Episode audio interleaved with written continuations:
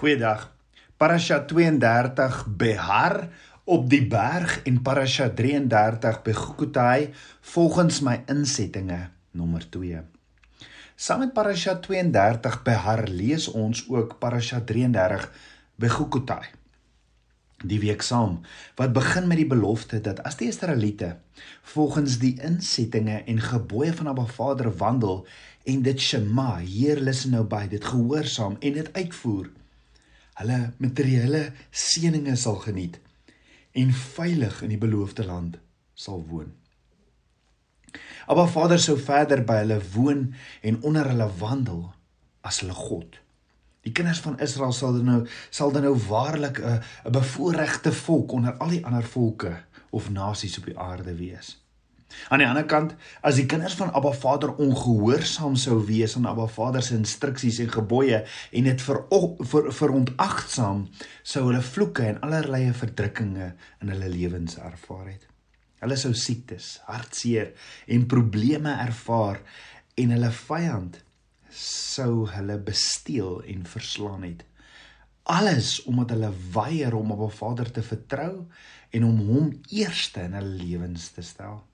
As die kinders van Israel na al hierdie dinge nog steeds weier om na Abba Vader toe terug te keer, sou die ergste straf van almal hulle tref.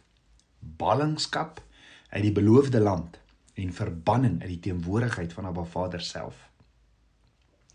Desondanks sou Abba Vader se liefde en barmhartigheid vir die kinders van Israel ten spyte van hulle ongehoorsaamheid rebellie nooit heeltemal verbygaan of verander as hulle na hom toe sou terugkeer, teshuva nie. Dit kan ons lees in Levitikus 26 vers 40 tot 42.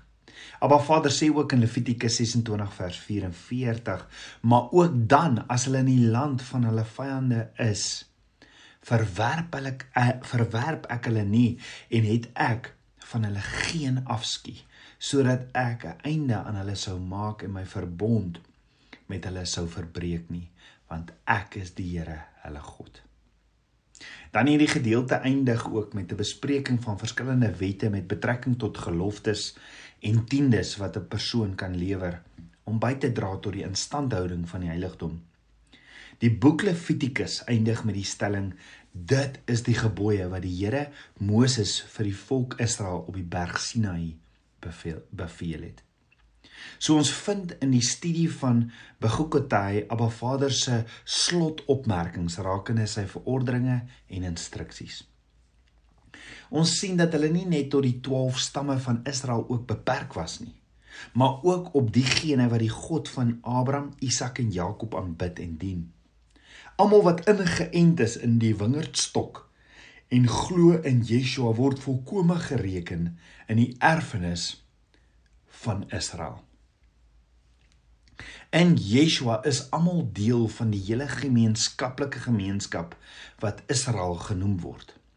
In Jesegiel 47 vers 22 tot 23 staan en julle moet dit as erfenis laat toeval aan julle en aan die vreemdelinge wat onder julle vertoef wat die kinders onder julle verwek het en hulle sal vir julle wees soos 'n kind van die land onder die kinders van Israel. Saam met julle moet hulle 'n erfdeel ontvang onder die stamme van Israel. En in die stam waar die vreemdelinge by vertoef, daar moet julle hom sy erfdeel gee, spreek die Here Here. So ons het gesien gedurende die eerste jaar terwyl die Israeliete by die berg Sinai kamp opgeslaan het, is die boek van Levitikus aan die kinders van Israel gegee. Abba Vader se instruksies in Levitikus is aangebied gedurende gedurende 'n periode van 1 maand nadat die tabernakel gebou was, soos aangeteken aan die einde van die boek Eksodus en voordat die sensus aan die begin van die boek Numeri geneem is. So hier gebruik Abba Vader die tabernakel as 'n bloudruk om sy protokol vir die funksies van sy koninkryk op aarde en die rol van sy opsigters, die leviete, die priesters en die hoofpriester, die bruid vandag te omskryf. Deur Esegiel sien ons hoe belangrik die verordeninge is toe hy dieselfde opdragte profeties aan ons die bruid ook gegee het in Esegiel 43 vers 10 tot 12 toe hy sê Jy o mensekind, vertel die huis van Israel van die huis sodat hulle beskaam kan staan van wie hulle ongeregtighede en laat hulle die voorbeeld nameet. En as hulle beskaam staan oor alles wat hulle gedoen het, maak hulle dan bekend die vorm van die huis en sy inrigting en sy ingange en sy ingange en al sy forme en al sy verordeninge, ja al sy forme en al sy wette en skryf dit voor hulle oë op sodat hulle sy hele vorm kan bewaar en al sy veronderinge en die kan uitvoer. Dit is die wet van die huis. Op die top van die berg sal sy hele gebied al rondom hoog heilig wees. Kyk, dit is die wet van die huis. Die doel agter die beginsels van Abba Vader is om 'n om 'n goeie oes te lewer vir diegene wat die patroon van Abba Vader volg. Hulle sal fisies, geestelik en emosioneel geseën word saam met beloofde voorsiening en voorspoed. Jy sien die derde boek van die Torah, Levitikus en Hebreëus, Vayikra, bevat die leringe en instruksies hoe om 'n Vader te dien en te aanbid in waarheid en in gees. Levitikus kan oorhoofs beskou word as die teoretiese onderrig in Torah.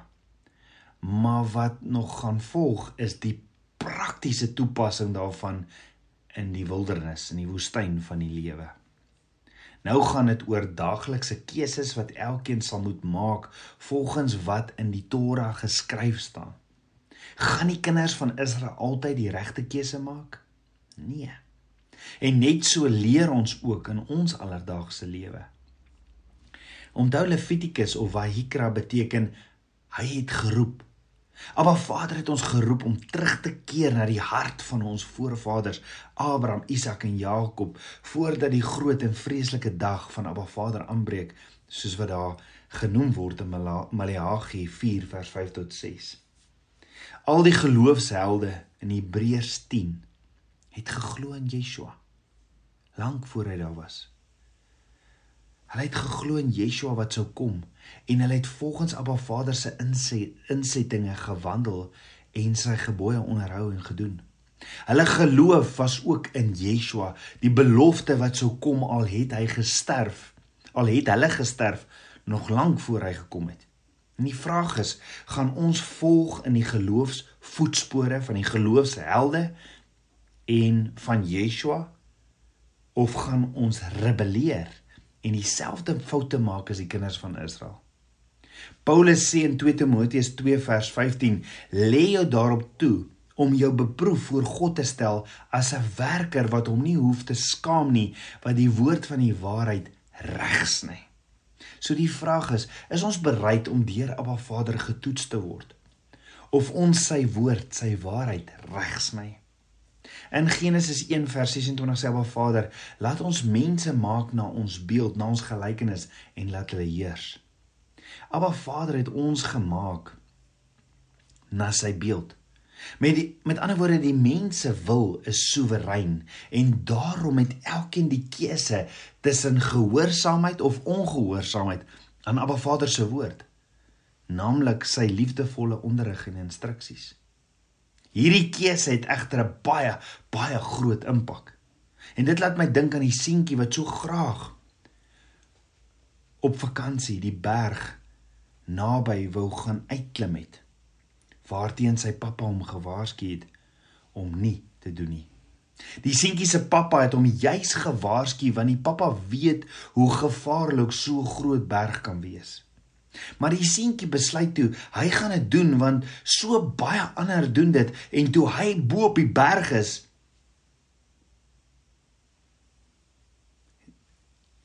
het hy gaan afspring. Want hy is mos Superman. Hy spring toe en toe hy halfpad teen die berg af is, soos wat hy deur die lug val, sê hy vir homself: Dit is nie so erg as dit waarteen my pappa my gewaarsku het nie. Inteendeel, hy kan nie verstaan hoekom hy van die pret ontneem is nie tot en met hy 'n paar minute later homself in 'n hospitaal ingeval het. En dit is presies hoe die verre meerderheid van mense se siening is oor die gehoorsaamheid aan Abba Vader se instruksies in die Torah.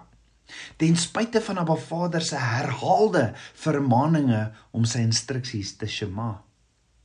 Torah ongehoorsaamheid is soos om ten spyte van Abba Vader se vermaaninge en waarskuwings soos hierdie seentjie die berg op te klim teen sy vader se woord.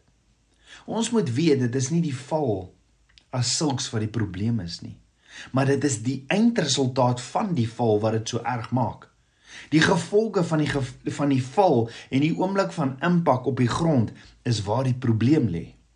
Hoekom moet die mens eers die grond tref om te besef wat die gevolge van 'n leefwyse van Torah ongehoorsaamheid is?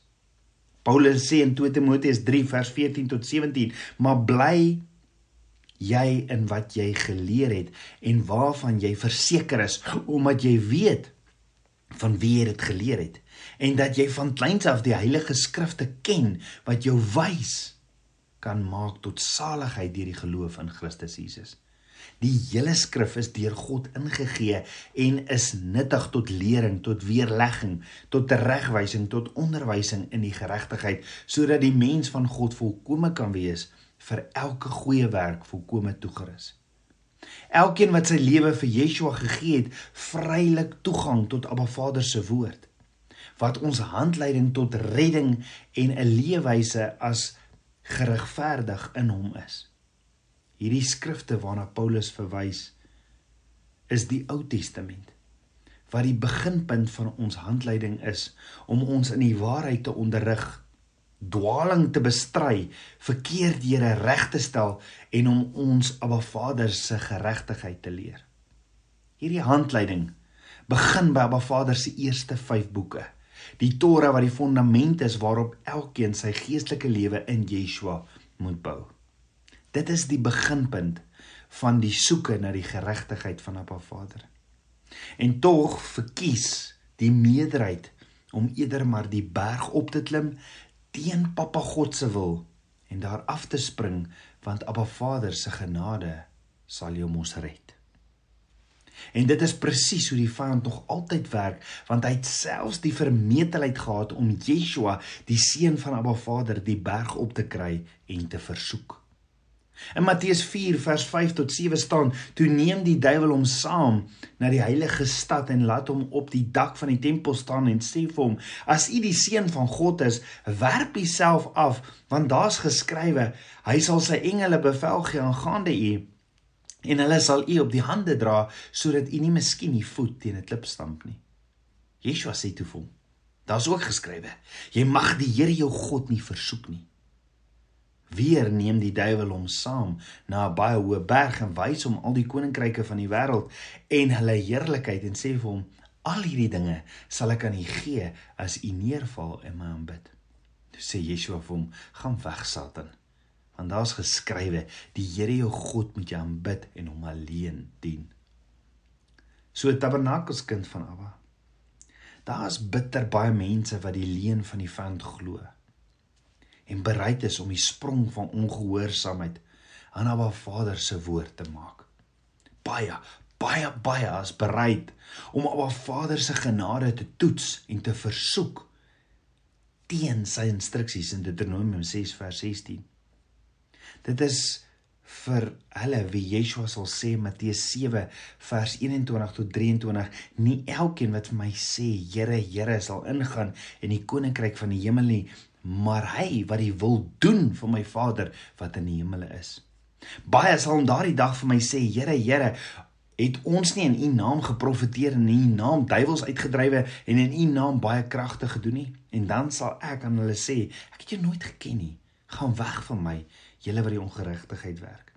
Daar's baie, baie wat eendag sal sê, maar ek het gedink daar's geen veroordeling vir die wat in Yeshua is nie. Romeine 8 vers 1. Ja, want die probleem is Romeine 8 vers 1 tot 11 moet in konteks gelees word.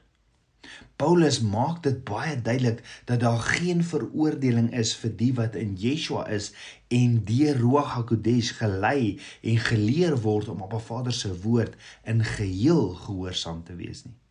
Die vraag is: Hoekom moet ons eers op die grond neerval voor ons Yeshua waarlik volg?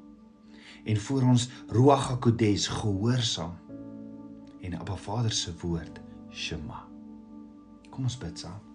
Abba Vader, skepper van my hart, Abba, ek loof en prys U. Vader, hoeveel keer word ek nie ook deur die vyand mislei om te dink ek is Superman om teen U wil van die berg af te gaan spring nie? Abba, vergewe my my ongehoorsaamheid in hierdie eie ek. Was my en kom leef in my, Papa God. Vader, vat enige kompromie van my af weg. Ek wil nie kompromie met die wêreld sluit nie. Ek bid vir die onderskeiding om daardie kompromie van 'n myl af te kan sien. Vader, ek bid vir die gawe van onderskeiding om die vyand van myle af te sien aankom met sy versoekings ook. Vader, in alles wat ek doen, wil ek U eer en U verheerlik. Meer en meer van U geheimenisse en U waarheid, Papa God. Ek bid dit alles in Yeshua Messie se naam, die seun van Jahweh. Amen. Shalom.